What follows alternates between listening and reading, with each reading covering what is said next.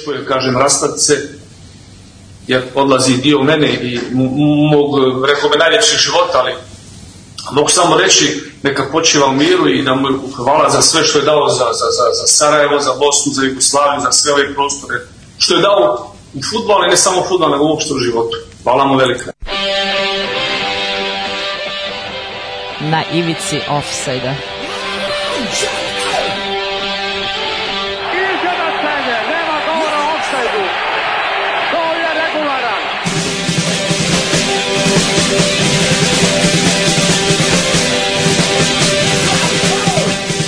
Niste se sad čak i setili sveće da donesete i da čestitate futbalerima.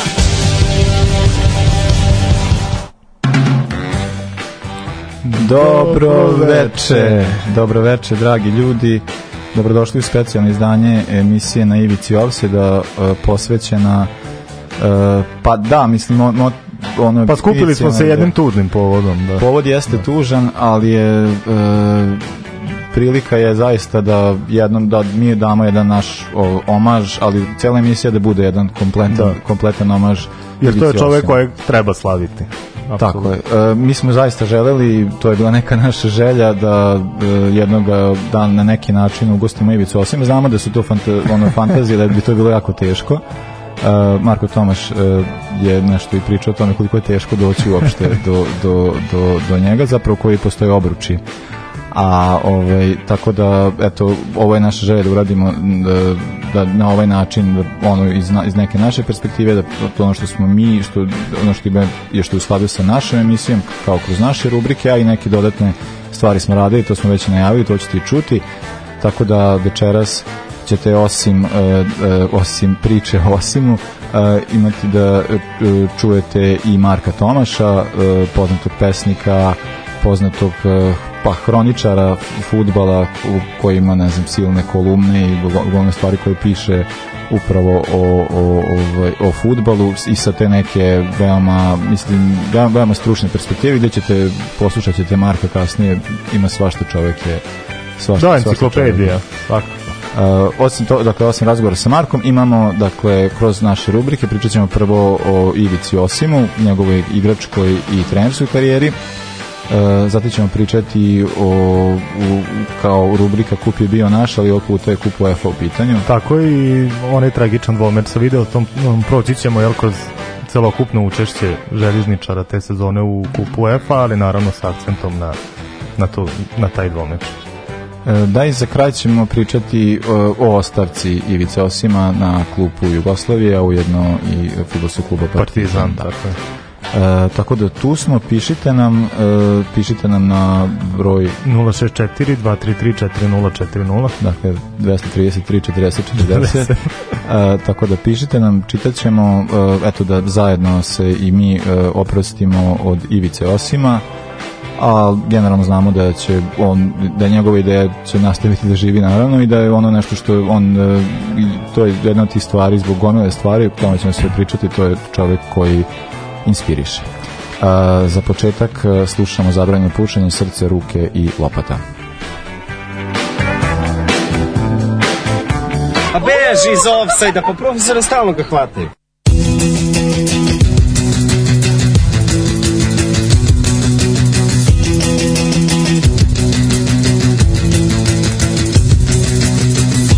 Domovina naša je rodila hiljade i hiljade junaka. Jedan od tih delija To je moj komšija Abdija.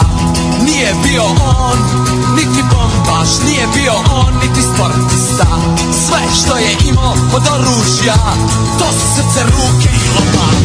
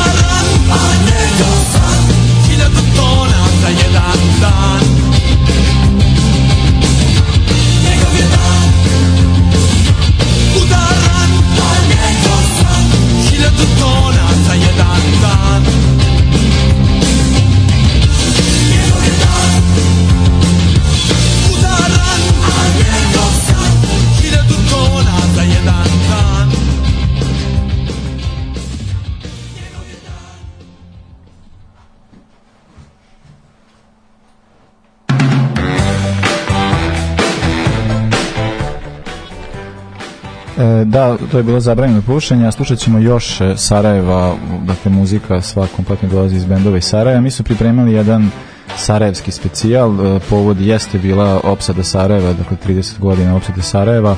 Eto, desilo se to što se desilo, takođe pričat ćemo nešto i o tome, žao mi što tad nismo mogli, iz, iz opravdanih razloga, nismo mogli da, da pripremimo emisiju na vreme, a ov, e, ali ćemo svakako, to je tema o kojoj ćemo svakako razgovarati, ali danas eto e, muzika je tu, tako da ćemo koristiti ovo, malo smo još nešto dodali, promenili, ali možda ćemo da pričamo o tome. E, Da li je Ivica Osim bio najveći futbalski sin naših naroda i narodnosti?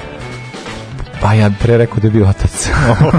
Babo, babo. da je bio otac. Da, da, zato što mislim da je Ivica osim stvarno ov, taj nivo kakav je autoritet bio kako je, zato što kad pogledaš njegov igraču karijeru on je zaista uh, bio fantastičan futbaler najbolji željin verovatno Pa možda i naj... mada je on sam rekao da nije, ali kao u Sarajevu da li najbolji, a ovaj ali kao ali svakako je poznatiji jedan mlađim generacijama kao trener, a i generalno gomila fudbalera kojima, kojima pričamo i znamo su bili ono, njima je osim bio trener i bukvalno su ti ga doživljavaju kao neku vrstu oca. Da, to je stvarno ti kad bi pogledao njegovu futbolsku karijeru, tu nema nekih spektakularnih ni timova, ni uspeha, ali to ono što si rekao sad u poslednje vreme kada se desilo, jel, ovo što se desilo i kada je- da su mnogi futbaleri govorili o tome i oni koji su ga trenirali, e, koji je trenirao i one ko- koji nisu imali priliku da ih osim trenira, ali koji su se divili njemu, e, po tome se jasno vidi koliki je njegov trag u stvari u jugoslovenskom futbolu. Pa svakako, da, svakako, zato što e, je... Znaš, nije to sad, e, svi znaju ko je Pixi. I, Da. I dete koje sad ima 10 godina zna ko je Pixi. Zna ko je Pixi, Ne a znaju taj- ko je bio Ivica Osman. ali, da li, da, ali kada, eto, mogli su da vide reakcije Pixija, sada Pixi je bio na je. sahrani, tako da, ovaj, sahrana, dakle, Ivica Osim je bila juče, Uh, bilo je o, mislim bilo je onako emotivno nekako dostojanstveno tako da je baš bilo jako na jedan lep način je, je, je osim bio ispraćen nego da se vratimo dakle na te generali koje radimo uvijek na početku Ivica Osim je dakle rođen na e, 6. maja 41. godine tokom rata e, e, u Sarajevu naravno, u njegovom Sarajevu a, a dakle preminuo je e, 1. maja e, pr- 1. maja ove godine e, u Gracu i to što je zanimljivo takođe preminuo je na 113. rođendan e, Šturma iz Graca Iz Graca, da. što je Da. isto jako zanimljivo I njihovo i on je verovatno kao što je jedna od najvećih ličnosti u istoriji železničara, definitivno je najveća ličnost u istoriji Šturma iz Graca. Pa da, to smo mogli da vidimo, dakle ovih dana stvarno ko je god pratio ovaj, medije mogao da vidi fantastične stvari ko, koje su se dešavale u, u, u Gracu i, e, i stvarno je ispraćeno na predivan način Jeste. i baš onako kako zaslužuje, zato što je kao, i to baš pokazuje šturm iz Graca, jeste e, treniranje šturma iz Graca jeste taj deo neke osnovne filozofije šta je ono što on želi da radi, a št, mislim postoji svašta što bi on mogao da radi, ali ima ono kao što da ispunjava i što želi, to je kroz šturm stvarno i napravio i videlo se. E, dakle, svoju igraču karijeru je e, započeo u, u željezničaru, prvo kao mlađim kategorijama, pa je onda e, zaigrao i za e, prvi tim. A e, sada, e, sad ta stvar koja se tiče e, generalno kao e, u samom e, želje, željezničar je imao neke te situacije da je ispadao iz lige pa se onda vraćao Uh, osim je uh, nije, dakle kao što si rekao nije on, ni, ni on svajao dosta dakle on nije bio ni deo šampionske Da, da. a nije ni napravio šampionsku nije ni, uh, nije ni uzeo kup ali je stvarno kao taj utisak kao svi ti igrači kao ono obožavaju vole. tako da tako je kao generalno je fantastična ta stvar koji on uh, uradio u želji, dakle u želji je uh, igrao uh, od 59. dakle tih mlađih kategorija do 68. godine a, a onda je uh, otišao na prvo na kratko je otišao nešto u, u, U Cvolše Boys. Cvolše Boys, ali se onda to se posle- neslavno završilo tako da se odmah sledeće se sezone vratio, vratio da. još jednu sezonu i onda je otišao posle u Francusku, najviše je igrao, mislim, za- otišao u, u, u Prvo je u Strasburu. u Strasburu otišao, a onda je igrao u Sedanu, u Sedanu je bio malo nešto više sezona je igrao, a onda je odradio još dve sezone u Valencijenu i poslednju sezonu u Strasburu. A, e, ono što, dakle, kažemo, e, ima sad kao ti gomila tih nekih priča o Osimu i kako je te njegove, dok je igrao za, za želju, pa onda kao e, nadimak e, Strauss sa, sa Grbavice i dolazi tokom tih igračkih dana, budući da je, ali kao, ima ta čuvena priča, ali na hvala Bogu ne postoje tonski zapis. Da, to je meni nažalost, to, to, to mi je baš krivo što, to, to su stvari koje bi ja voleo da imam kao džingule, mislim da je to kao da Mirko Kamenjašević. Mislim kao to su kao fantastične stvari, tako da jeli kao i, i osim dribla, dribla, dribla i kao osim još dribla i kao sada ćemo mi uh, pustiti muziku malo, malo uh, dečkih valcera iz studija dok, Dok kao, Osim dok, završi. dok Strauss ne završi. Tako da, ove, to mislim kao je, on njegova figura je bila poprilično impozantna, on ima 1,90 m, Da, stvarno da. gleda, ali kao, ali način na koji je igrao, mislim, Pa to ti je, to ti je. Sokrates. Mislim, vi, visok i elegantan. Znaš, u toj njegove građi nema ništa atraktivno, ništa spektakularno, ali on kad uzme loptu, on je ne zaustavlja.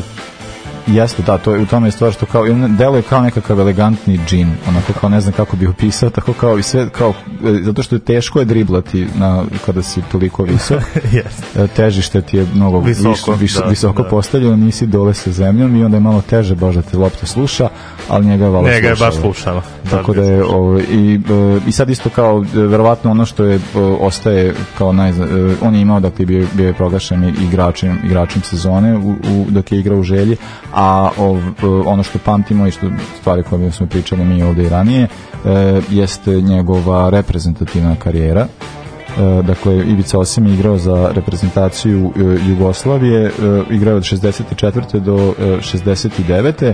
i bio je na onom e, čuvanom prvenstvu e, na onom čuvanom prvenstvu da, da, da se je tako nije zvalo ovaj prvenstvo evropsko prvenstvo nego kup evropskih, Evropskih nacija, da, tako da, da, da. ali- Ali mno, mnogi ga i, i po tome pamte. Sad baš kad, kada su bile te razne reportaže i, i priče o Ivici Osimu, mnogi prolaznici na ulici, jel, stariji su spomenuli baš, baš tu, tu, tu 68. i, i prethodne kvalifikacije i to takmičenje. Tu je Jugoslavija stigla do finala. jel To je tako? Jugoslavija stigla do finala i u finalu je dakle igrala finale koje je bilo ponovljeno, ali tokom, e, tokom finala protiv Italije Osima su povredili. Da. I, e, I on je- on je igrao povređen. Pa, pa igrao je povređen, pa onda ne. Pa onda, a, a kao, e, pa, a stvari u tome da tad je nije bilo zamjena. Nisu postali niko izmene, da, I da. onda kao ta utakmica se završila nerešeno, pa je ponovljena ubrzo posle dva dana a uh, onda je to je da uh, sad da da kažem ovo ili a baš šta neka reći ću zato što sam čuo pitanje možda za kviz jednog dana kao ovaj je koji je igrač koji je došao umesto Ivice Ivica Osima, umesto Ivice Osima, dakle pitanje je Jo- Jovan Kulaćinović je posle doputovao iz Beograda. Uh, tako da su uh, odigrano ponovno finale koji je Italija dobila, tako da eto, uh, eto, to se može reći da Pa lako izgu- je bez Osima, mislim. Os, osim da, nije izgubio da. finale Evropskog prvenstva, eto kao došao do finala, nije ga izgubio. A, e, osim toga da učestvovao je i na e, olimpijskim igrama 64. godine. Da, to bi bilo prvo veliko takmičenje. I tu je nešto imao je super učinak dao je četiri Pa, gola na pet ja mislim da je dao- tako da, da, jeste, tu je četiri dao na pet, četiri, tako da, da, je baš, da. je, baš je, što bi se reklo, pokidao. Uh, e sad što se tiče njegove reprezentativne karijere, dakle kažemo rep, to je trenerske karijere, uh, trenersku karijeru započinje odmah po, po završetku igračke i uh, naravno da je započinje Gde drugde nego na Grbavici, da, da. to je 78. godine on uh, dolazi u željezničar uh, i tako da je u klubu je bio do 86. Tako da pričat ćemo sad, preskočit ćemo taj deo ovde malo možda i u video, to ne moramo sad, uh, ali kao generalno što se tiče njegovih najvećih uspeha, bio je uh, treći jednom jugoslovenskom prvenstvu. Što je bilo teško u to vreme, baš teško. i uh, igrao je finale kupa uh, protiv uh, Veleža E, i to je baš bila ona utakmica koju je, da, koju je baš bilo teško izgubiti. E, a, i da naravno dakle najveći uspeh jeste sa u, u, u, u kupu UEFA gde su ispali dakle u polufinalu, polufinalu. polufinalu protiv Videotona, ali ono što je zanimljivo jeste njegova a, reprezentativna karijera a, budući da je on e, postao selektor Jugoslavije, e sada on je već radio u reprezentaciji 84. dok je selektor bio Ivan Toplak i on igrao na olimpijskim igrama tako da je on počeo iz e, neke uloge asistenta, a onda je e, Mija Mijanić imao tu ideju da se futbol reformiše, to dolazi nakon 86. godine. da. Tako da su e, oni da im postala neka vrsta ideje i filozofije kako bi trebalo da futbal izgleda u narodnom periodu što se tiče e, reprezentacije Jugoslavije. E, ovde bih isto ne bih malo više od toj temi, pošto će to I o tome Marko, ćemo Marko će o tome da. pričati, da. tako da ovaj, tu, ovaj, tu ćete moći baš čuti koje su to bile ideje, kakve su bile namere, šta bi se moglo raditi tokom tih 90-ih. Ali dakle dolazi 86, 88 ne uspevaju da se 86 dakle posle svetskog. A, negde u oktobru preuzima reprezentaciju i sada 80 i, uh, 88 ne uspevaju se kvalifikuju na evropsko prvenstvo, ali onda uh, idu jeli kvalifikacije za svetsko koje su stvarno bile fantastične i sada evo, dok smo se mi uh, sedeli, stojali na terasi, pušili cigaru i pričali o, E, ovo, ovo je sjajna priča. o, da. ovaj, o, o, o, o, o e, da, kao emisiju, kao pripremao se za emisiju, prilazi nam čovjek sa, sa, Sa sinom detetom, da. i ja sad trenutno, ne znam ko je, video, ko je pratio stranicu, video da, da, da trenutno nosim dres e, reprezentacije Jugoslavije iz tog perioda i onda je prišao čovjek da pokaže svome malome ovaj, dres Jugoslavije. I ispričamo apsolutno sve o tom dresu i ispričao je o tome, e, takav dres je Pixi nosio na svetskom prvenstvu i onda se Damir okrenuo i pokazao desetku na leđima. Dakle, da, mislim, to je stvarno jedna divna, divna priča i onda kao generalno, uh, uh, mislim, divna stvar da se prenosi dalje na, na, na, na mlađe generacije, ali kao celo to prvenstvo 90. je stvarno bilo uh, uh, od početka samo kako je krenuo sa, sa mislim ona muka sa Nemcima pa onda onako pa onda ne gol protiv e, Kolumbije pa onda kao ta kvalifikacijna grupa i b- briljantna partija Dragana Stojkovića protiv Španije tu je sve predodređeno da bude epski filmski. Ne, generacija i Ivica Osip na čelu i što kažeš i te muke i onda ti fan, fantastične, fantastični par izdanja ne, neverovatan period za jugoslovenski futbol. Pa da, i, mislim i u toj utakmici postoje neke stvari koje, na tom prvenstvu postoje neke stvari, kažem generalno sad utakmice protiv Španije, to je isto kao ta logika bila kao igralo se sa Špancima i ranije, a Španci su igrali već Jugoslavije sa Špancima ranije, ali, ali su ih ono ubili, ali su izgubili. Ovaj, tako da je ovde bila sada ideja nekako malo drugačije poslužena i zato se kao i onda je to jedan genij u vidu Stojkovića mogao to da reši i da postigne jedan od najbolj, mislim da je to jedan od najboljih golova jugoslovenske reprezentacije na svetskim prvenstvima, najlepših svakako. A o, o, i generalno da, posle je došlo to četvrt finale e, protiv Argentine. E, dakle, Argentina koja u tom trenutku ima jeli, najboljeg igrača na svetu u svojim redovima. E, I sad to se, sad ja gledao sam dosta stvari ovih dana i sad ima kao baš ta priča o, o Šabanadževiću, o, kako je, da je osim govorio e, ne, ne diraj ga, on je šeprtlja, on će navući karton samo tako, i kao ostavi ga, beži od njega. Ali, nažalost, to se nije desilo. E, e, Šabanadžić dobio dva žuta kartona. E, za, za jedan stvarno, taj drugi žuti, stvarno nije, je bilo prestrogo, prestrogo. E, tako da Jugoslavija ostala sa 10 igrača, a opet i sa tih 10 igrača i dalje je imala dominaciju Tako je. i dalje je napadala Argentinu. Nažalost, došlo je do penal serije, a onda... Onda znamo kako se desi. A i znamo, da, mislim, to je već... e, Poslednji da. penal je pucao Hadži, Hadži Begić Faruk, da.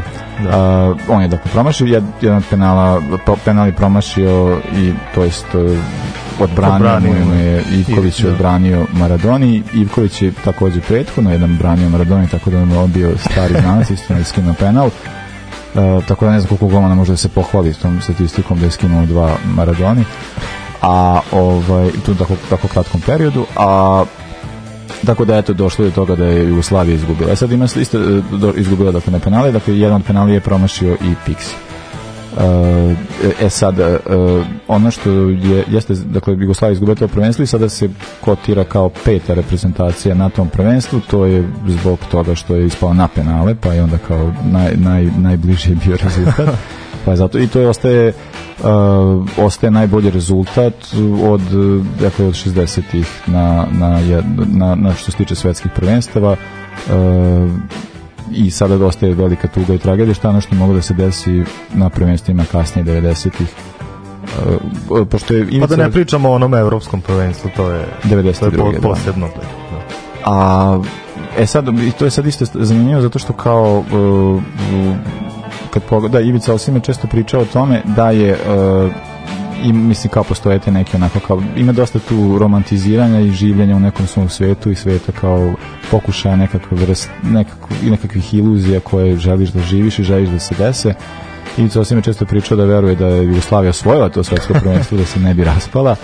E, sad ne znamo koliko je to realno, ali... Pa kao, možda i jeste. Da, pa da, ali morali, još, morali bi još neke, morali bi ljudi, da, moralo bi to da ih osvesti. Ipak kad se gleda kao pred to prvenstvo, mislim, pogotovo posle tog prvenstva, atmosfera na nivou Pa tad je cele sranje već počelo, da. odnos prema čak i prema dakle prema reprezentaciji igračima stvarno bio užasavajuć e, generalno kao odnos prema himni prema ono kao bilo je stvarno ne, ne- neki tereni su bili mislim ima kao to u Zagrebu sa Holandijom mislim neki tereni su bili kao da su ono gostujući tereni Da, to su baš da- odvratne scene, da. tako da e, mislim to su stvarno ono stvari koje su dosta mm, na, e, čine njegovu misiju nemogućem, ali on i dalje verovao i tako eto do 92. je ostao, ali pričat ćemo o tome u onom segmentu kasnije e, što se tiče same ostavke. Nego da e, osim e, mi smo sad e, što se tiče same karijere, dakle posle Jugoslavije e, on odlazi u Panathinaikos, e, zatim u Šturm. Tako je, u, u šturmu počinje u stvari ta njegova naj, naj, najveća trenerska priča, makar što se tiče uspeha, Šturm relativno mali grad, a što se tiče futbala apsolutno bez ikakvih uspeha, a on uspeva u, u roku od 3-4 sezone da, da napravi strašnu ekipu, da osvoji sa njima dve titule u Austrijskoj Bundesligi, tri kupa i čak da dovede Ligu šampiona u, u Graz. I to, I to nije samo da dovede Ligu šampiona, da, dovede Ligu šampiona u Grac, nego da tuče neke jake ekipe i da prolazi u, u osminu finala Lige šampiona, što je tada za, za Da, pa to je bilo nezamislivo bilo par sezona apsolutno ranije. nezamislivo. Uh, I mislim to ono što je uradio tada u, mislim štu, Šturm nije dakle jeste ekipa koja je stara i ima tradiciju što god, nikad nije bilo toliko jaka tu postoje neki drugi klubovi Rapid, Austrija to su bili kao neki jaki klubovi u Austriji ali eto, o, osim je Šturm napravio, napravio jaki. Mislim Tako da je. u tog trenutka taj klub postaje važan faktor u Da, austrijskom Š- Šturm je i sad dosta važan i postoji priča evo njihovim trenerima od Osima pa nadalje uh, da su, da su svi oni zapravo svodili njegovom filozofijom jer se zna ako hoćeš da uspeš u Gracu moraš biti kao Ivica Osim. I stvarno sva, svaki od trenera uh, nakon njega je uspeo da, da učini nešto.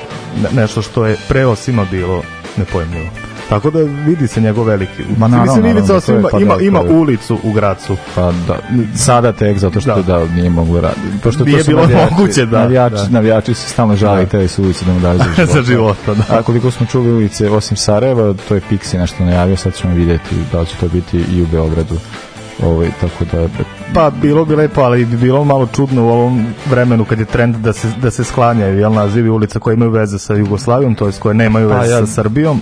To su, da bi to su one stvari, pošto znamo kao koliko se sve se sve dešavalo sa ulicama, kako tako kao, znaš, kao, eto im- imamo spomenik Branku Ćopiću u Beogradu, mislim stvarno što ono je stvarno ne, znam- ne znam, to stvarno ko- koji to kreten radi, zašto, zbog čega, kome je Branko Ćopić ikad išta. Tako da i sad stvarno isto tu, tu ali, Čekaj, samo šta će tek da bude. ali eto da, mislim to je va- važno je da se morali čuvaju. Jel? A, I posle šturma e, da, posle šturma je- odlazi u Aziju i to u, u, u Japanu, dakle nam dolaze neki i, i najbolji snimci u vezi sa Ivicom Osimom, kad to totalno nerazumevanje E, to ćete čuti ja- Japanaca, posle pesme, da, da, da. E, pa ne, meni to kao da on je, ali on je njima tako došao je kao neki sensai, ono Da, kao da, došao, da. bukvalno je tako tretiran, tako doživljen i to isto ima, ne znam, kao stalna priča, kao kad god Ivica Osim bio u Sarajevu, što god, kao opsedan, ne gradi opsedan japanskim novinarima. dakle, osim, e, dakle, osim e, Dž- došao je prvo dakle, u Jeff, Da, prvo u Jeff United je bio, da. a, a onda je posle toga e, preuzeo japansku reprezentaciju. E, Mislim da bi i sa njom imao Jeff, do, Jeff dosta je vodio, uspeha. čekaj, mislim da Jeff je posle preuzeo uh, Pa njegov njegov sin, da, da, Amar je Am. Amaro, da.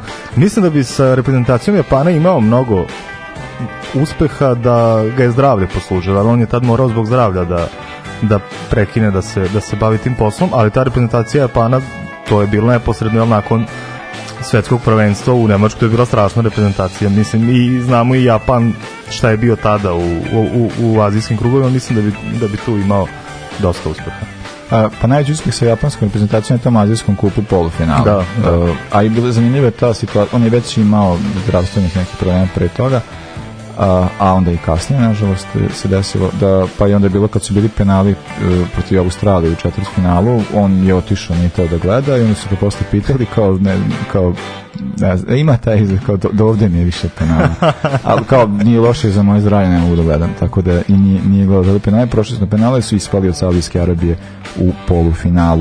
Uh, uh, i to je uh, ne, nedugo zatim dešava se dakle da je doživao taj moždani udar koji ga zapravo dosta dosta utjecao na nje, njegovu svakodnevnicu, na njegovo funkcionisanje uopšte, ali eto stvar koja se desila jeste da je 2011 dakle 2007. doživio možda udar pa je prepustio, nije se više bavio da. uopšte, uopšte treni, trenerskim poslom ali 2011. kao kada je bila postojala kriza u, u savezu, futbolskom savezu u, u, u Bosni i Hercegovini, uh, on je pozvan kao još neki veliki igrači Bajevića, misli kao do, do, doveden uh, kao za, zamoljen da dođe da u taj komitet koji je trebalo da razreši tu čitavu situaciju i da futbol vrati onima koji zaista se futbola tiču, dakle, a ne onim nekakvim predsednicima kantona, republike i ostale gluposti. Tako da zato što je kao znamo da je u Bosni sve funkcioniše, u sva, u, ne znam, u, za svakim stolom moraju da budu tri stolice, o, i već se zna, misli tako stvari prilike funkcionišu, a ovaj a onda je kao jer u, a budući da FIFA, UEFA imaju svoje pravila kako otprilike da politika ne sme da se meša navodno u sport e, kada se to ne poklapa sa njihovim interesima, tako da je onda ova situacija nastala i Osim je uspeo, to je, on je došao e, mislim da to bio neki april 2011. do kraja godine je vodio taj komitet koji uspio da normalizuje stvari i zapravo tada je to je jedan od najplodnijih perioda Jeste, pa posle toga je Bosna otišla na svetsko prvenstvo. Svetsko prvenstvo i e, da, i da, u otišla svetsko prvenstvo nažalost e, nije uspela e, proći grupu, ali bila je blizu. Da, da to je baš bio le, lep period sa za reprezentaciju Bosne. E, I meni je to isto jako ima ta situacija s njima kada je os, osim gleda tu utakmicu e, i kada e, Bosna daje svoj prvi gol i kako je zaplakao čovek zato što je kao desilo se da, stvorio je čedo. napravili smo. stvorio je čedo. Tako da meni to i deluje da je ta bosanska e, nije bio selektor ali kao da je velika, veliki deo zasluge to je vjerojatno njegovo posle, njegovo poslednje što kažeš čega da sve, mislim osim sve čega se prihvatio sve što je dotakao je uspeo da učini nešto toga. Meni se najviše dopada kod njega što je on voleo od iskreno rečeno prosečnih klubova prosečnih igrača da da izvuče maksimum iz njih da napravi mnogo više od, od toga što su oni sami očekivali da mogu. To je priča sa željezničarom, to je priča sa šturnom. To bi bila isto priča i sa reprezentacijom Japana i, i, i, i sa bilo kim drugim. E, ja sad mogu da ti kažem da su mi ovde baš dosta pričali, a, ali to može biti najava koliko će tek Marko da priča. Da, da. A, sada slušamo Bombaj štapu, Željo, to je moj tim, a onda će za nas pričati Marko, Marko Tomaš.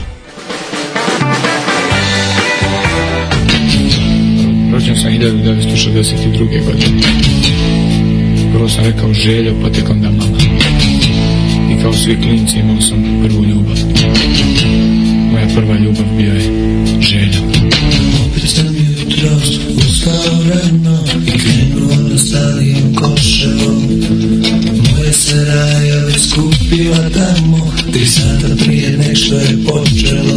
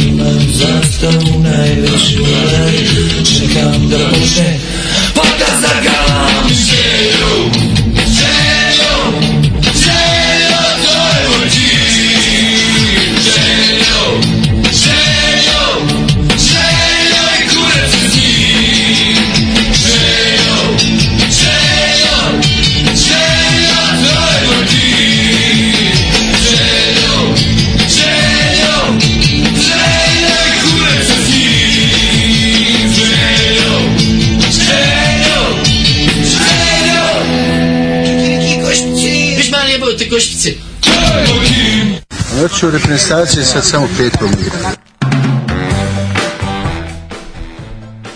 E pre nego što poslušamo šta ima da nam kaže naš dragi Marko Tomaš, prvo ćemo da pročitamo jednu poruku. Uh, naravno, Đole i Šamca, naš, naš najveći prijatelj, najveći prijatelj ove emisije, kaže Želim da vas pozdravim i bit će teško za slušanje. Otišao je još jedan simbol Jugoslavije. Pamtim želju Jugoslaviju i ne može da bude van političkog konteksta. Hvala mu za temelje modernog partizana i neka mu je večna slava. Slava mu. Slava mu. Uh, da, nismo pričali toliko o Partizanu, pričat ćemo o tom delu uh, kada budemo pričali Da, o, o tome, ostavci. Uh, a sada bismo taj da najavimo uh, Marka Tomaša, dakle kao što smo rekli, uh, uh, snimali smo razgovor sa Mark, Markom uh, za, uh, je, ono, kada smo pripremali ovo sad emisiju, želja je bila, ne znam, meni ta nekako stvar koja me nekako presekla je bilo to da htjeli smo nekako to je uvijek bila ideja da bi to bilo super dovesti Ivicu Osima nekak, ili nekog drugog futbalera koji je nama bitan i važan a mene ne, na ni- ličnom nivou preseklo to kad se desilo i onda znao sam da ćemo nešto raditi, to sam bio siguran, ali sam teo da nekako još nešto uradimo i onda, onda mi tako, tako došla ideja da, bude, da, da Marka Tomaša da Pa dobro, ko, dovedemo. ko, koga drugog? Da, Marko Tomaš, inače kao što smo rekli, dakle, e, ko, ko ne zna, ali mislim već o njemu pričamo, tako da verujemo da znate ko je čovek. E, Dakle, pesnik e, i, kao što smo rekli, mislim, kolumnista brojnih medija, portala koji se bave, i koji imaju prostor za futbal ili koji se bave isključivo futbalom. A, tako da smo razgovarali sa njim, a on je takođe i autor biografije utakmice života. Tako je. Nešto će pričati i o tome, e, tako da eto e, poslušajte sada Marka, o, da samo da kažem ovde ima prilično dosta materijala, do, dosta ste stvari snimili, a imamo još dosta toga. A, dogovorili smo se sa Markom da te stvari nekad pustimo kasnije u nekim drugim kontekstima, a imamo neke druge stvari za neke druge druge emisije pošto e, on, on zaista ima dosta toga da kaže. Volim takve ljude.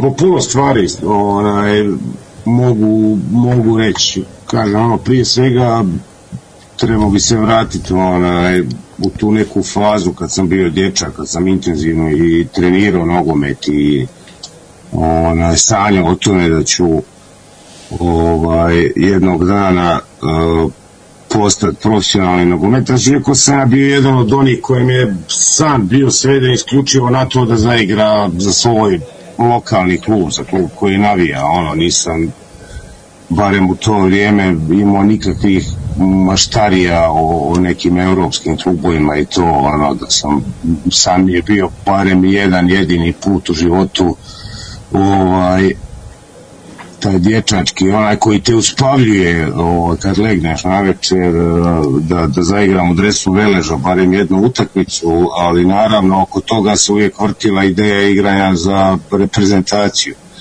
Onaj, i, i naravno budući Ivica Osim bio selektor reprezentacije tada onaj, njega sam negdje uh, vidio kao bijeli kao čovjeka koji me treba jednog dana onaj izabrat među svim tim drugim ljudima i, i onaj, na neki način sam ga vidio kao e, čovjeka koji je negdje na, na, na kraju, na, na vrhu tog puta nekakvog ostvarenja mog tog dječačkog sna e, sna i cilja i ovaj sa, a onda se možemo pomaknuti malo naprijed, pa sve što se dogodilo, tad se već moj san ruši, ono, kad se raspada Jugoslavija, Beleš prestane aktivno postojati, onaj, mene ta nogomet stvarno automatski počinje i manje zanimati, ali ona njegova gesta ostavke koja je bila zapravo opet neki možda pokušaj zadnjeg otrežnjenja ljudi koji nekako nisu to dovoljno ozbiljno doživljavali a, što se sve događa u Bosni i Hercegovini prethodno što se događalo u Hrvatskoj ta gesta jedna velika onako ljudska koja je bila jedna od onih točaka ja mislim prelomnih koja mnogim ljudima na ovim prostorima rekli da smo da smo uh, prešli onu liniju nakon nakon koje jednostavno nema natrag da su stvari nepovratno otišle u nekom drugom pravcu i da nema natrag. Uh, jedan poput onih trenutaka poput rušenja starog mosta ona, i tako kad znaš da smo toliko uh, zaglibili i toliko daleko otišli da su stvari nepovratno promijenjene i, i, i otišle k vragu. I kasnije naravno poslije ta neka perspektiva razmišljanja o tom periodu u nekoj odraslijoj dobi i, i shvatanje zapravo prave nekakve pozicije ovaj, jer Ivica Osim je na koncu tako sam to i napisao po meni bio zadnji jugoslavenski predsjednik na neki način jer zemlja se već bila raspala jedino je tim kojeg je on vodio zapravo bila, ostala, ostao taj dio imaginacije, imaginarne Jugoslavije. Ona nije postojala više politički, bili mi u tom trenutku svjesni ili nesvjesni toga. Onaj, I nju je kao rekao, personifikacija jedina, odnosno materializacija te ideje Jugoslavije zapravo ostao jedino a, a, momčad koji je vodio vodio Ivica Osim bitan je bio mi je i u kontekstu Bosne i Hercegovine iz razloga što je on vjerojatno figura, jedna od ljudskih figura, ono što je najbolje od BiH. Ona je onako jedan od onih ljudi koji je možda nekako metaforički uh, uzor ne samo kakav treba biti kao čovjek, nego ako gledamo njega kao personifikaciju nečega, da, možda BiH je trebala biti poput Ivice Osima da bi bila ono najbolje što, što ova zemlja može biti. Tako da, eto, to su te neke stvari, malo sam nadugačko to, ali dosta mi onako, kažem, pitanje je jednostavno, ali odgovor baš ne može biti jednostavan, jer u, u različitim fazama života, kao što sam pokušao objasniti, mi je on predstavljao potpuno različite stvari. A, jedna od, od, od stvari koja mi je onako koja me je nasmijala dok sam radio ovaj, i, i na knjizi i sve to jeste da, da je to čovjek e, na koncu koji mi je nekako posredno ostvario moj dječački san jer se u jednom trenutku ovaj, dok sam ja radio na knjizi, dok smo se susretali, dogodio, dogodila situacija na Grbavici, na stadionu željezničara, uh, Ivica Osim je sjedio na, na klupi, onaj, dajemo intervju nekim japanskim novinarima u tom trenutku, ovaj, a ja sam šetao po travnjaku stadiona i onako sam stao u jednom trenutku i rekao, ha, ovako je moj život trebao izgledati, kao evo, Ivica Osim je na klupi, a ja sam na terenu. Tako da se taj san na jedan vrlo čudan i drugačiji način moj dječački onaj ostvari. Malo je ljudi koji su pozitivni autoritet, znaš, koje, zbog koji si ti spreman učiniti bilo što, a da te ti ljudi ne teraju silom na te stvari, znaš, osim je bio jedan, jedan od takvih ljudi, znaš, ono, ljudi kojima si vjerovao a, da ono što govore da je potpuno ispravno i da si bio spreman da slijediš njihove zamisli, znaš, to je to je stvarno malo je ljudi sa tom kvalitetom onaj, sa takvom i karizmom i aurom. Ja ne znam da li će se takvi ljudi oni se više ne proizvode definitivno ta takva vrsta ljudi onaj, sa toliko širokim pogledima i, i, i kompetencijama i, i pogotovo tim nekakvim duhom koji je razumijevao i stvari izvan e, kako bi rekao iz, nije gledao stvari usko i nije bio onako fah idiot i, i, i radikalno bilo nego je mogao da razumije raznorazne devijacije i otkuda dolaze neke stvari. Nemam pojma, mislim da, da ono s čime se mi sad suočavamo uh, s odlaskom, ne znam, Ivice Osima i, ne znam, i Đorđa Balaševića i Olivera Dragojevića. Sad, sad se zapravo suočavamo sa odlaskom prave Jugoslavije. Onog najboljeg što je ta zemlja imala. Eh? s tim ljudima odlazi definitivno u povijest. Ona je nestala sa političke karte svijeta. A kako sam rekao, to je jedna civilizacija, to nije puka država i ona nikad neće nestati kao ideja iz, iz onaj, glava ljudi s ovih prostora. Jednostavno se bez obzira na, na ono što se bude događalo i kako se budu odgajale nove generacije, ona će uvijek ostati nekako ideja i neko sjećanje. Znaš, tamo sad nestaju nekako sad dolaze stvari pa spadaju na pleće moje generacije koja se sjeća nekih stvari, ali nije bila uh, koja je bila odgajana od ovih generacija koje odlaze, ali nije bila akter neposredni onog najboljeg uh, što se, što se događalo na ovim prostorima. I onaj blagano odlaze ti ljudi, kaže, koji su bili akteri uh, i koji su bili na neki način stvorili u Jugoslaviji ono čime smo se ponosili, zbog čega ti je bilo drago da si Jugoslavien, ono, da si zbog čega si bio ponosan, e, ti ljudi onaj, lagano odlaze i s njima s njima onaj, definitivno Jugoslavija odlazi u povijest, ali u njoj ostaje i u budućnosti ostaje kao ideja upravo preko njih, jer ideje Jugoslavije jesu takvi ljudi. Takvi ljudi su ono najbolje što je ona stvorila. Što ta zemlja stvorila. Ljude onaj, koji su širi od svojih lokalnih, kako bi rekao, gabarita i sredina, koji imaju šire poglede na stvari, onaj, ljude inkluzivne, i, i u svakom smislu progresivni ljudi koji su sposobni i ne, ne biti proroci nego jednostavno shvatajući uzročno posljedične veze u prošlosti na neki način predvidjeti i, i ono što će se događati u neposrednoj budućnosti.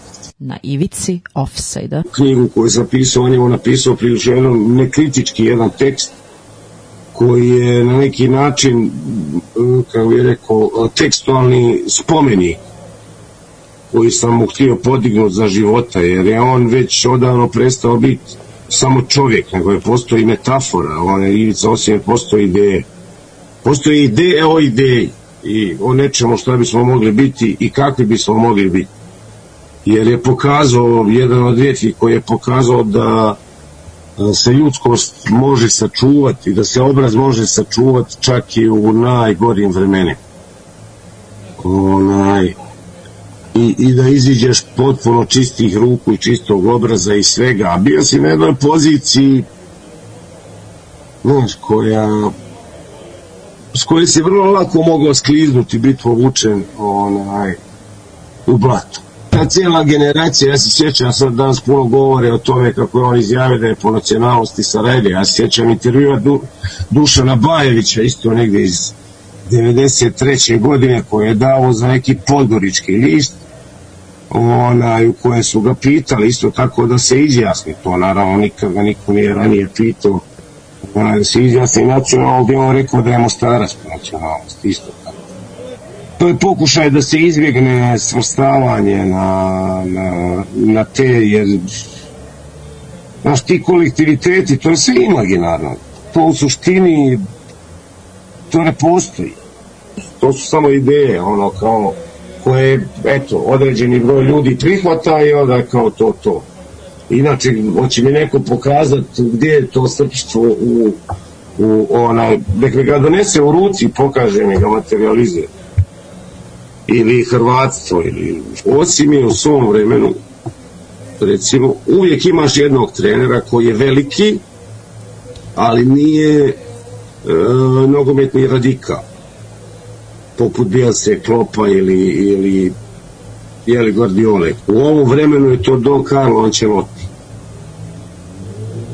Znači čovjek koji može doći u uh, bilo koji klub, vidjeti kakve igrače ima na raspolaganju i u odnosu na to prilagoditi vlastite ideje o igri igračima koje zatekne. Takav je bio i Josip.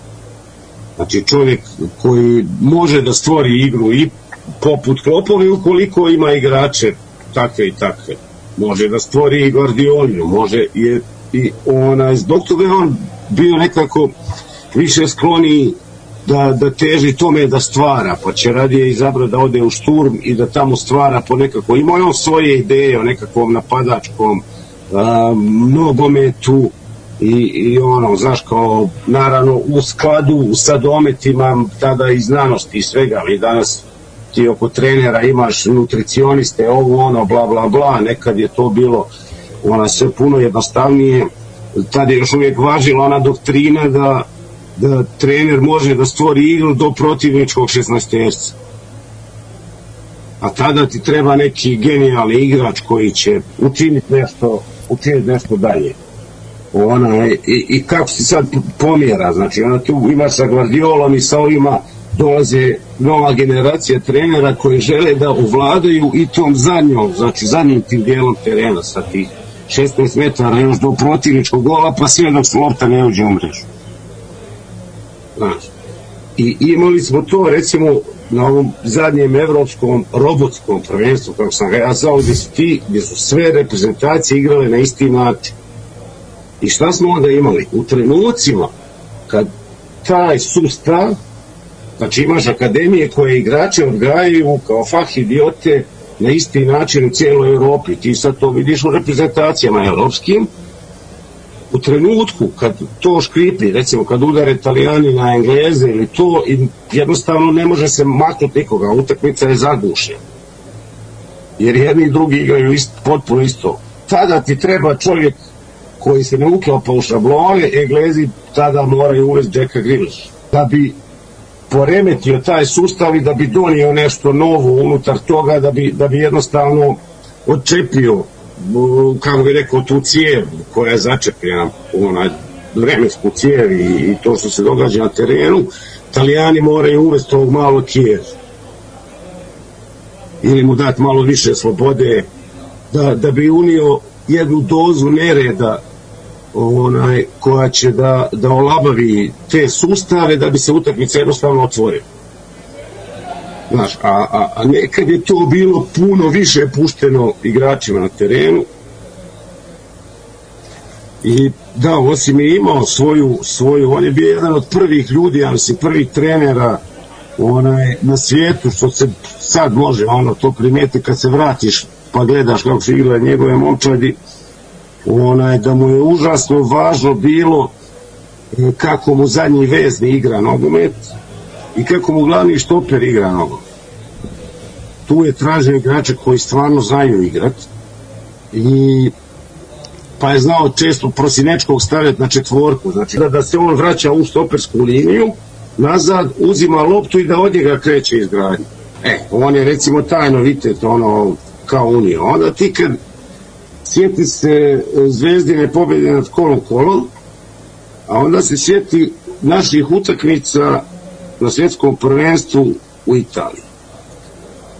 I sjeti se Davora Jozića. Znači, imaš jednu situaciju gdje protivnik će striktno markirati tvoje najbolje igrače. I naravno gledat će da ti time oduzme bilo kakvu prednost. U tom trenutku šta je Osim radio? On je e, izvlačio iz sredine i Pikse Stojkovića, Sušića i njih da se povuku na polu bočne pozicije da ostave nekako taj koridor središnji prema golu prazan i iz drugog plana onda ne ulazi neki zadnji vezi, nego iz štoperske linije prostor trčava Davor Jozić i postiže pogod.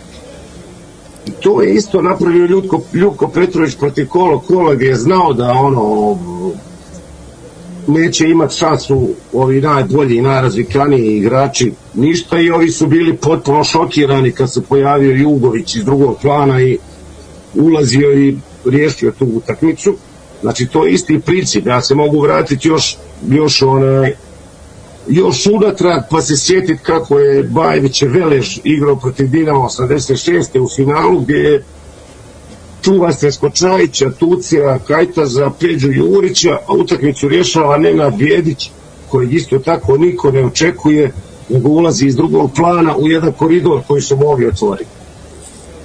To su stvari koje nisu drugi treneri tada radili. To je nešto što se uvodilo, što, su, što je osim uvodio i još par trenera najboljih jugoslavenskih kontinenta. Anticipirao kako će se nogomet igrati u narednem desetljeću i zbog toga je zove igrače takve, ono, koji mu trebaju da može igrati takav nogomet, jer je plan njegove Miljana Miljanića bio zapravo da se u 90. godinama konačno u nogometu ostvare veliki rezultati.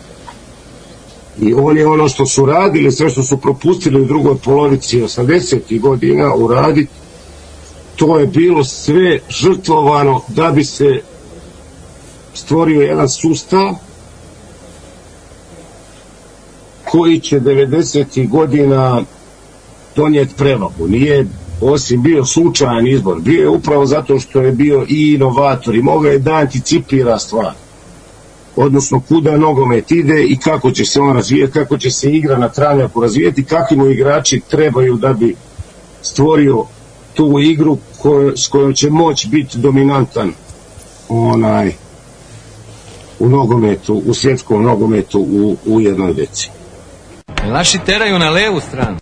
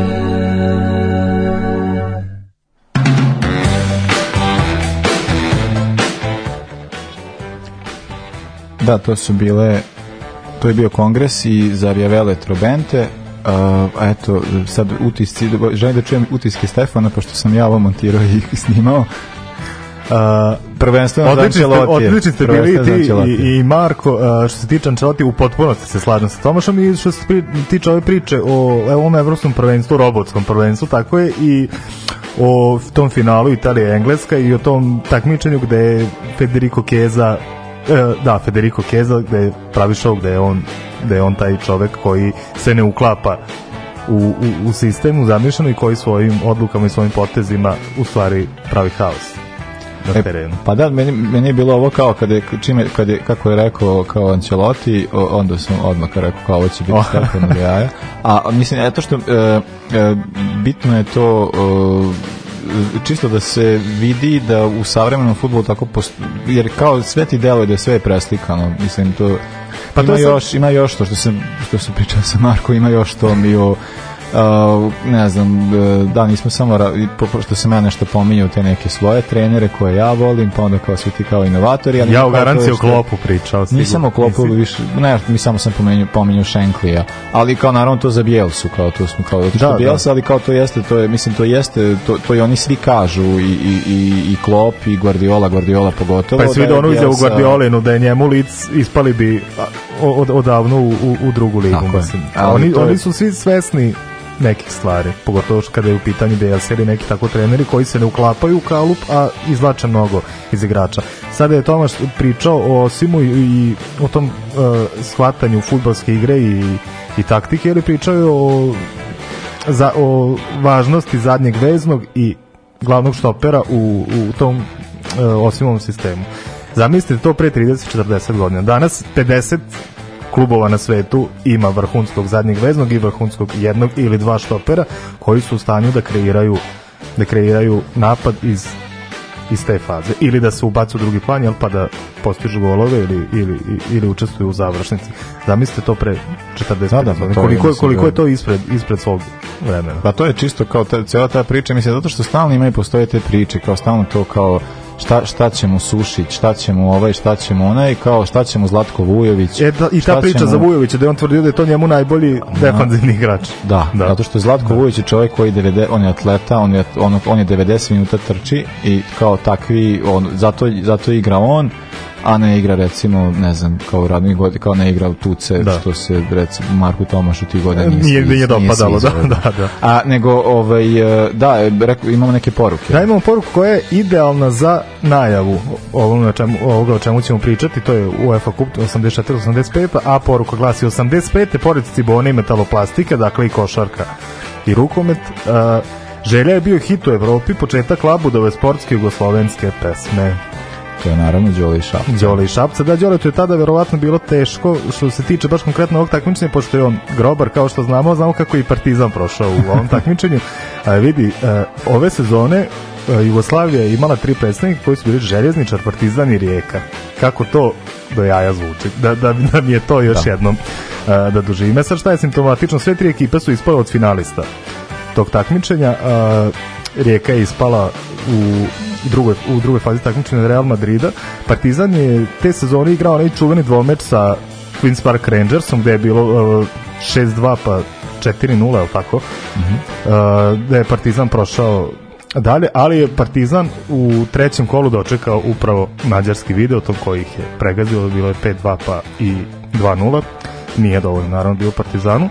E, željezničar je u prvom kolu savladao ubedljivo e, bugarski Silven, zatim švajcarski Sion, a tek u trećoj rundi počinje e, pokazuje se za šta je u stvari železničar sposoban i kolika je moć Osima kao trenera i Grbavice kao kolektiva, da kažemo, ne pukog stadiona, nego, ce, nego cele te zajednice koje koja je pratila tada železničar. U trećem kolu je železničar igrao sa univerzitateom iz Krajova. Ja sam imao priliku da budem na stadionu univerzitatea kada je igrala protiv Milana.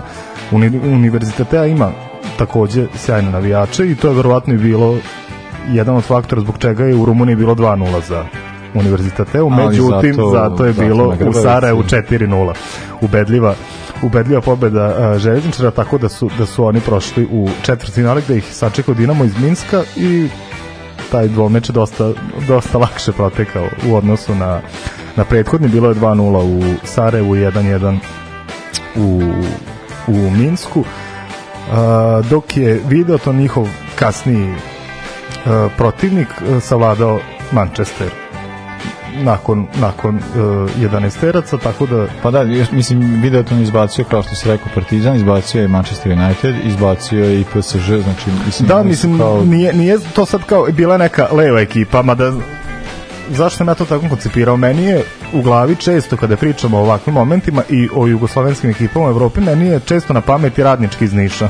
Da, da, i da. onaj dvomeč sa Hamburgom. Ali u čemu je razlika uh, kakav je bio taj HSV sastavljen od, od neverovatnih igrača, to bi bilo neverovatno čudo da je, da je radnički prošao. Jel, imaju za čime da žale, ali, znaš, nije to toliko strašno kad te takva ekipa pobedi. Dok je, ja mislim da je teško, to jest teže bilo navijačima železničara uh, zbog e, toga što su ispali iz ekipe kao što vidimo. Dakle, vidimo da Videoton uopšte nije loša ekipa, ali da je moglo da se igra s njima, što su oni i dokazali. Jer prva utakmica je odigrana u, u Fehervaru, še, Seher, Fehervaru, Videoton je slavio relativno ubedljivo 3-1 je bilo, ali taj gol, taj gol koji je postigao Škoro je bio gol Da, da, nade da, da, za bilo je, to je u prvom polovremenu se desilo, dakle bilo je 2-0, oni su dali dva brza gola, Da, do 20. Da, minuta je 20. već bilo već 2:0. vodili, pa je skoro onda smanjio, pa tak, ne znam koji minut posle tog uh, drugog gola. Da, smanjio ali je onda 2:1. Videoton postigao još jedan kasni gol. Što je trebalo da bude upozorenje. Na upozorenje da, da se to ne ponovi u revanšu, nažalost to se dogodilo. Željezničar je imao utakmicu u svojim rukama, prvo je Bahtić u petom doneo prednost, pa je Ćurić u 72. doneo praktično prolaz prolaz željezničaru i šta se onda dogodio? Pa Jožef Čukaj, to je Čukaj, to je ime koje, koje Čukaj, pamte to je, apsolutno da, to svi, znaju, Jugosloveni. Da, svi, svi Jugosloveni, ne samo. Da, I to je isto zanimljivo, ta utakmica je bila, to je bila o, utakmica gledana svuda u Jugoslaviji, Yes. svi su na, i to je zapravo isto je, pokazuje e, u duše da, Željezničar je, jeste bio ekipa za koju je, osim ako nisi navijač Sarajeva, i možda Beleža, ovaj, generalno je brao simpatije Za njih se navijalo, da. Za, to je bio klub za koji se navijalo. I to pogotovo u tom periodu e, tada o- 80-ih, e, a generalno kad pogledaš e, pa da se kao taj, taj period kada je Osimi bio trener nekako ta, taj način koji on radio kako se igralo ta, je nekako bra, bralo simpatije svih i još pogotovo cijela ta lokalna priča kako klub znači za lokalnu zajednicu. To jednostavno su ljudi prepoznavali i sam klub bodrili E, E sad, da, taj gol, e, to je baš bila ta situacija, da je, to znam da je Miho Baždarević pričao kako su, eto, oni vode, i on, ho, i on hoće da stanu, kao da se zaustave da stanu, a osim ne da, kao teramo, idemo dalje, idemo dalje, da bi se, eto, kao da, da, desila ta situacija da je primjen gol eto, u, pos, ono, u kraju, sam kraj, tako da A ajde sad nešto šta bi bilo kad bi bilo. Da je Željo otišao u final, da li bi mogao da se nosi sa tim? Pa čekaj, a, a, prvo samo ovu utakmicu, da je tu bio Nikić, koji je otišao tada već otišao u Grčku, da Radomir Mihajlović nije dobio dva, dva, žuti, Dva žuta drugi, kartona, drugi žuti da, karton, da. mada da ima isto kao da je osim pričao o tome kao nemojte slučajno, kao, i pogotovo ono kao na tebe gledam. Pogotovo ti. Ali eto, na glupost dobi čovek žuti, pa ni, a pazi ko su Nik, Nikić i Nik, to, ta priča sa Nikićem me posjeća na priču o, o, o Takaču kad je otišao iz Mhm, Voše baš u, Takar, da. u, u tom trenutku, ka, pošto je tad to moglo tako u sred sezone da čovek ode, tako da isto kao posjeća me na tu priču da ti kao odlazi prvi napadač, odlazi ovaj, u neki drugi klub, a ti igraš ono takmičenje koje ti ono, život znači. Tako Ja da- mislim da od tog momenta da Nikić osjeća da je izneverio železničar Josin. Ja sam siguran. Ne znam kad, kada su bili svi ovi oproštaj. E, pa gledao sam, on, ja sam on, je, on je bio i naj, najemotivniji. Jest, Nekako jest, ja mislim da on osjeća da je ne, nekako lično, vrlo lično to ispadanje železničara i da shvata da je trebalo da bude tu da pomogne ekipi. Aj sad, to je, to je isto priča, da li, pa ne, zato što jeste, misli kao da, znaš, odlaze ti dva najbolja, mislim, Rolnikić nije bio napadač, on je, nije bio taj centar for glavni, on je bio više krivni, ali kao dva igrača Ali koji izuzetno, su izuzetno važan igrač jako za bitan igrač, sistem. naravno. Tako da, eto, da, taj gol se postiže i onda kao kada se, kada pada taj gol, ima ta, ono, ta neka kao ne znam neka gro, gro, groteskna faca e, Ivice Osima da se onako Kako je to scena kad se hvati i provlači hvata prste glavu, kroz- provlači kroz prste i- i ono kao to je baš ono kao ba- baš možeš da i onda taj taj taj muk na stadionu i kao to sve kao to, tako to je baš ta, taj taj momenat kao jebote šta se ovo sad desilo. Tako da je ona baš e, bila ta situacija koja ono e, mislim ba, taj poraz je jako mada ja ne znam ja mislim da je zapravo i sa tim porazom da je to to je utakmica koja će se uvek pričati u Sarajevu Da, ne samo u Sarajevu kao, da. kao to je ima ta e, e, Eda smo Eda Da. nije Eda, Eda taj Pa to je, imali smo slučaj, da kažem, davno smo mi pričali o Hajduku, e, pa evo, radnički niš koji smo sad pomenuli, evo imamo i željezničar i mnogo, mnogo takvih primjera, to su jednostavno te neke epske utak i epski poraze. Epski poraz, Tragično. da. Naravno još i Partizana. Da, imamo i pa, da, Partizana, mislim, da, ima, znači, imamo da, svako- jer, jer vidiš šta, šta, šta je zanimljivo, imamo mnogo takvih priča jer su tad naši klubovi nešto radili, mi sad nemamo da, takve da, priče, da, naši sad nećemo klubovi, imati da, takve U priče. toj nekoj da. zemlji koja mi je valjala, a ovaj, ali dobro. Uh, da, eto kao da finale je naravno Pa ja bih rekao da je Real rutinski to dobio, već bilo je u Mađarskoj već bilo 3-0 za Real Madrid, u, na Bernabeu je samo video, to ni to opet kasnim golom u 86. minutu uspeo da, da uvlaži jel, utisak o, u celom tom golmeču, tako da je Real vrlo lako došao do evropskih titula. Da, e, ja bih sad samo da pročitam e, ovaj, igrače koji su bili deo, Slobodno. deo, deo, ovaj, deo te ekipe, a pa ti možeš završiti porukom, pošto znam da Đo ima još jednu, može. tako. Dakle, tu su bili Škrba, Berjan Baljić, Šabanađović, Čaplić, Komšić, Čilić, Bahtić, Škoro, Mihajlović, Baždarević, Nikić i Samadžija. Uf. A, kaže Đole, sećam se kao da je juče bilo Jugo, Jugoslavija ispred TV-a, euforija i onda muka. Verovatno se odnosi na, na, na, na, na, na, taj, na, odnosi na, na- taj 87. minut i na, i, i na, i na Čuhaja. Ima, ima Đole još jednu poruku, ispravio je Tomaš. A, dobro. Kaže, Zvezda kolo kolo nije bio trener Ljupko, nego Vladica Petrović. Jeste, Vladica Jeste Popović, Popović, Popović, Popović, ja da. ispravljam ja Đolete. Da. da, on je napisao Vladica Petrović. E, Vla- Vladica Popović je bio tada, tada trener, da, to jeste tačno, da. ne zameramo, svi, svi, svi mi ne grešimo. zameramo, ali, nije, ali isto je jako bitan faktor. Da, meni je bilo smiješno, to se sad pričao i Stefanu, kada kao meni kaže, Marko, sjećaš, sjećaš, Da, sjećaš. Ne, pa rekao, slabo se sjećam, imao sam četiri godine, ali naravno tu sam utakmicu gledao koliko, ono, ko, tada se veli kao što se zna da sam bio neko neki navijač zvezde. Pa je, da, to je jedna od tih antologijskih. A ovaj, da, i to je utakmica koja je da Dejo Savićević dobio crveni zbog ono, one, one budalaštine.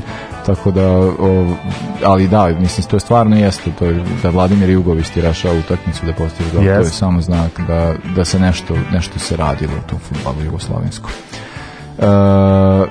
Mi ćemo sad poslušati da, uh, sad ćemo poslušati pesmu koja je i, juče e, takođe kada je bila sahrana ova pesma je puštena kao deo e, deo ispraća, deo ceremonije. E, u, mi ćemo pustiti verziju po ko, kojom je objavljena. U pitanju je Mladen Vojičić Tifa koji će biti ja mislim prvi put pušten na ovom radiju a pesma je naravno e, nezvanična himna željezničara Željezničara. Grbavica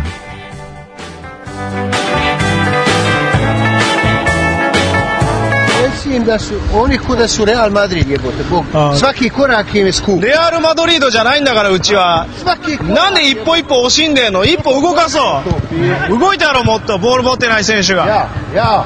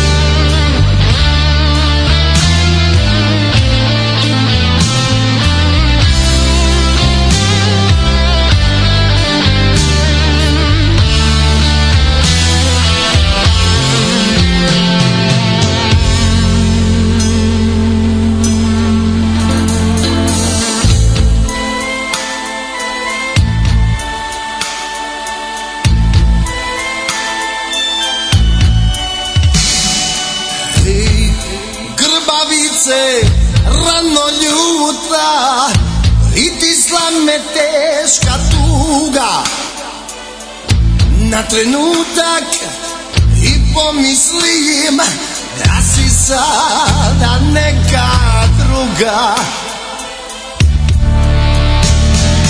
Hej, krvavice, bolna si mi Iz daleka gledam ulice tvoje. Tamo su slike jedinstva moga Tamo je sve što je moje cijeli Miljacka dijeli Mene od krila tvog I ne znam kad ću Al znam da ću Doći do doma svog A onda želim Stadion gledam Vidim ponos tvoj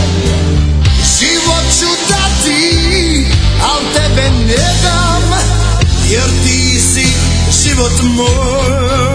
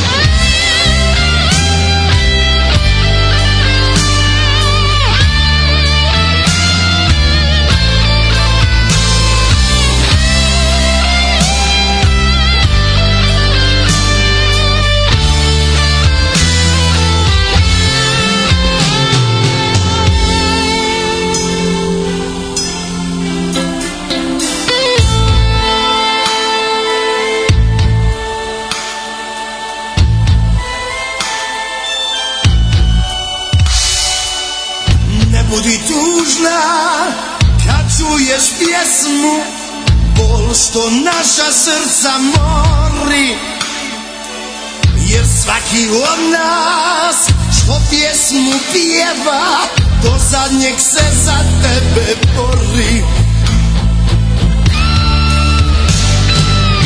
Ko život cijeli, miljacka dijeli Mene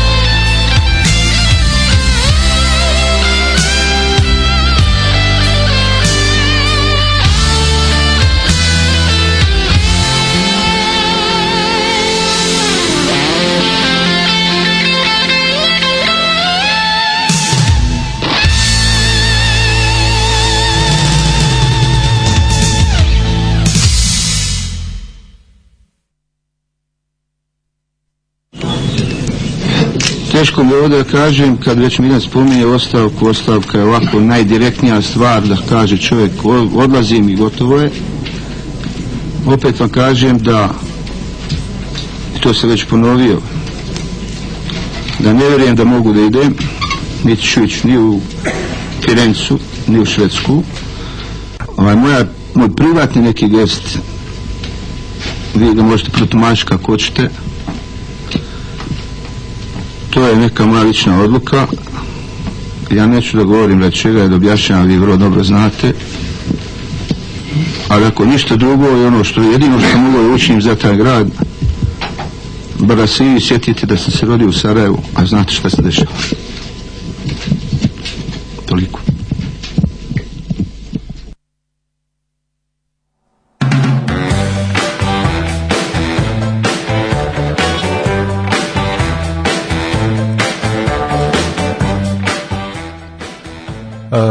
Da, teš, teško je ovo slušati, tre, treba nam malo vremena. Svaki put mi se grlo stegne kad Da. slušam ovo i pogotovo kad gledam, pošto sam gledao 50 puta u različitim periodima života ovaj klip, svaki put kad vidim da je Ivica osim zapačen, ni meni nije dobro, stvarno. Ali kak, kakav gest.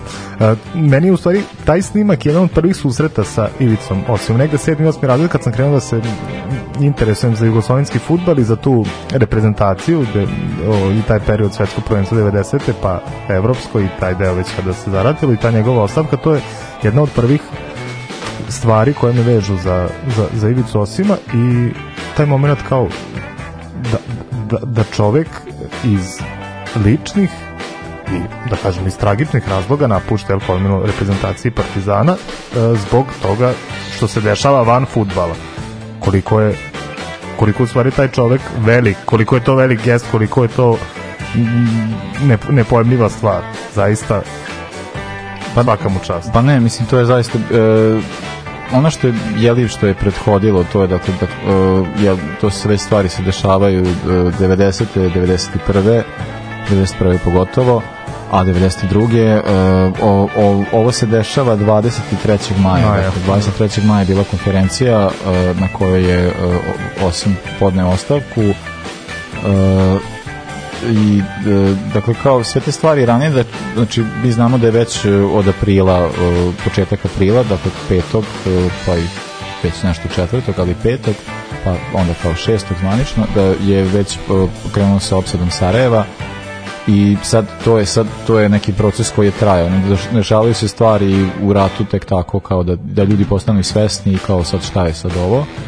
Uh, i on jeste trpeo velike pritiske e, zbog čega i šta on sad radi, ali to je isto kao što i, i, i- i Tomaš sad pričao o, o tim imaginacijama da je on imao tu ideju da kao da nekako će o, da, da se može ovo da će se proći, da će se stabilizovati, da će ljudi postati normalni, da će samo reagovati nažalost to se nije desilo tako da je on jednostavno doveden u tu situaciju da, da mora da ode, da mora da ostavi te svoje momke, da mora da ide i da mora da ide u svoj grad e, i neta priča da je on kao bio bukvalno jedini putnik e, u avionu u avionu za Sarajevo, za da. Sarajevo. Da.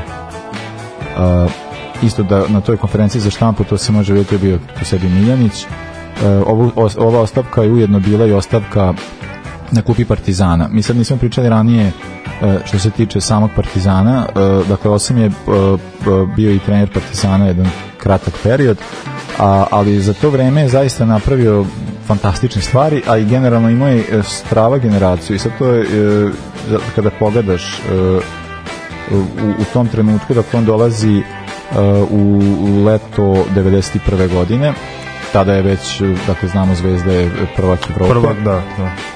E, i on ima za, za taj kratki period, to je jedna sezona nedovršena, za taj kratki period e, on je četiri puta se sastao sa Zvezdom I ostao neporažen. i ostao neporažen sa prvakom Sa Evrope. prvakom Evrope, da. A pogotovo je to taj kup, taj kup meč, e, to je dvomeč između Partizana i Zvezde, je na kraju Partizan i- izašao kao bolji.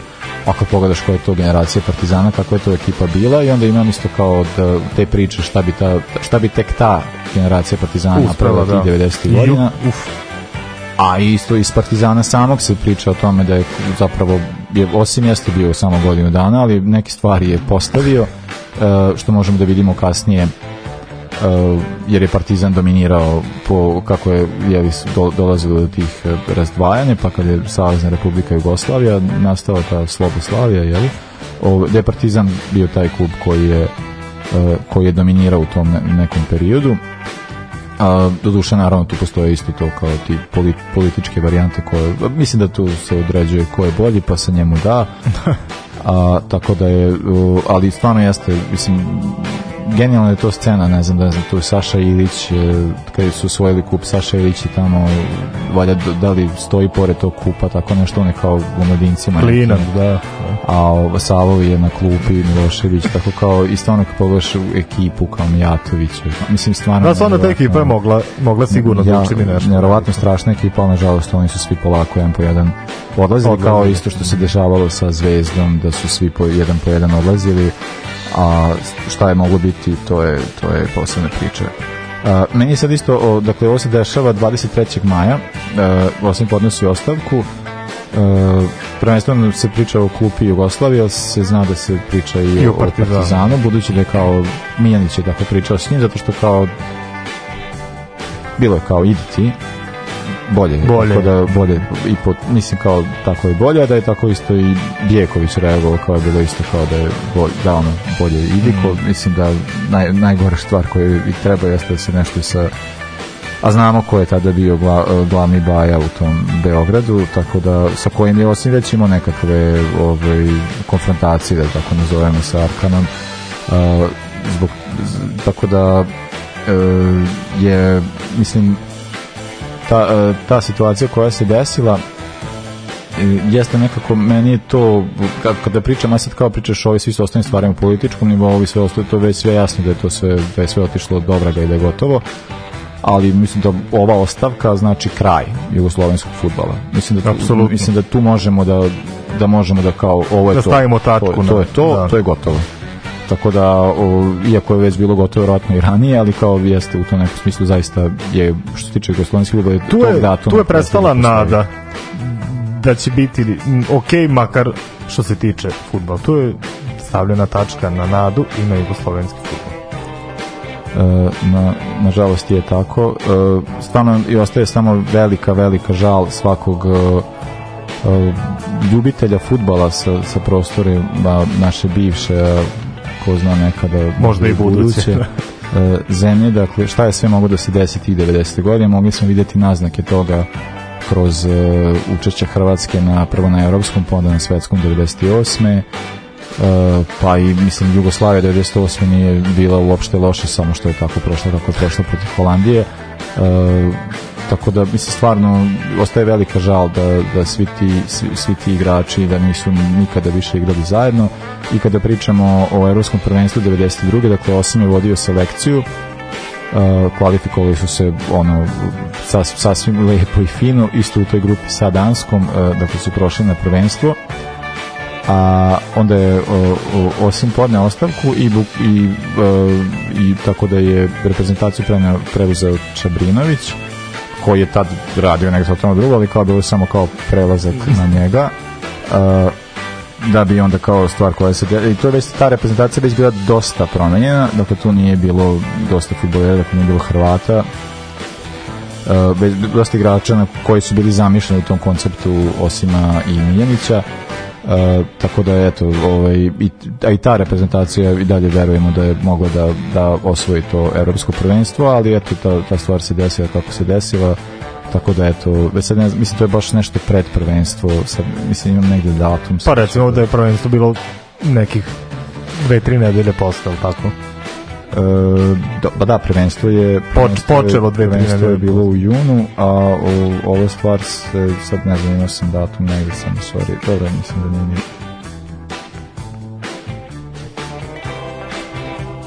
mislim da je bilo, da, mislim da je bio 30. maj kad su obavešteni, mislim kad, bi- bila je kao ta e, da, Pa da, 30. bilo neposredno nakon 30. te konferencije, 90. da. 30. maj, znači nedelju dana kasnije, 30. Pa da. maja 92. bila je ta prvo kao uh, savjet bezbednosti, donosi tu odluku da ne mogu i onda kao posle, kao, a oni su već bili u kampu, Da, da, se, da. tako da je to jed- jedna velika propast, što bi se reklo. Propas. I jedna tuga kao šta je sve mogu da se desi, a eto, na kraju je Danska osvojila to prvenstvo, a ovaj, i to bez Mihajla Laudrupa koji, kao što smo pričali, nije hteo da učestvuje na tom prvenstvu jer se njega nije ni kvalifikovao. Ne, na, na, na, nas će ubiti to šta bi bilo kad bi bilo. Mi, mi stvarno večito istorijski imamo stalno da nam nešto malo fali za nešto i to će nas, to će nas večito izjedati. ali dobro, mislim šta, ovaj, A pa moramo, ne znam, moramo je- za nečim da tugujemo, a mi moramo za svačim da tugujemo. Mislim, mi živimo, ono, naš pristup u ovoj emisiji jeste uvijek tako nekako poetičan, a ovaj, ne znam, da je, da je Željo dobio video tom pa puko od Saraja, od Reala, Od Reala, da. 5-0, ne bi se tako pričalo. Pa ne bi, da. Tako da je ono kao to je tako. A, tako da, da, dragi ljudi, dođu su mi do kraja. Hvala vam a, velika svima koji su nas slušali, a, svima koji su ovo i najavljivali, svima hvala velika.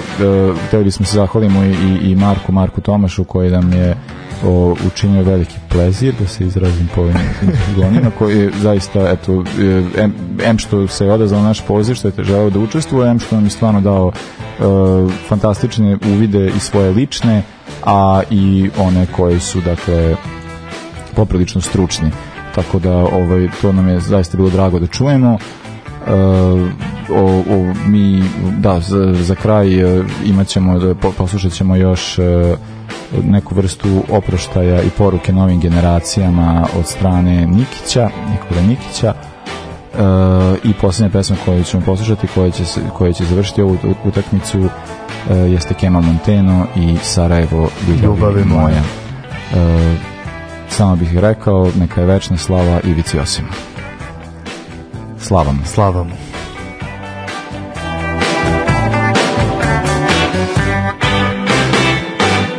Bi, ja bi rekao da svi ovi mlađi, mlađi, moja je prošla, pogledaju malo i YouTube, pogledaju malo i sječke novina, pogledaju malo i, i televizijske snimke i to. I da se ugledaju na najbolji čovjeka na planeti.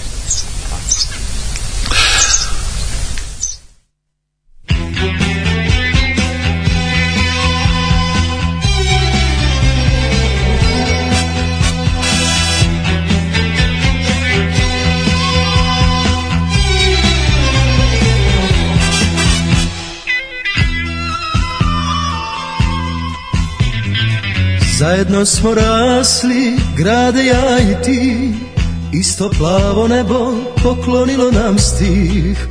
Iz potrebe vića sanjali smo sne. Ko će brže rasti, ko će ljepši biti? Ti si bio velik, a rodio se ja. Sigmana uz osmijeh, slao si mi san Dječak koji raste, zavolio te tad Ostao je ovdje vezan za svoj grad. Bilo gdje da krenem, o tebi sanjam. Putevi me tebi vode. Čekam s nekom čežnjom na svjetla tvoja. Sarajevo ljubavi moja. Pjesme svoje imaš i ja ih pjevam. Želim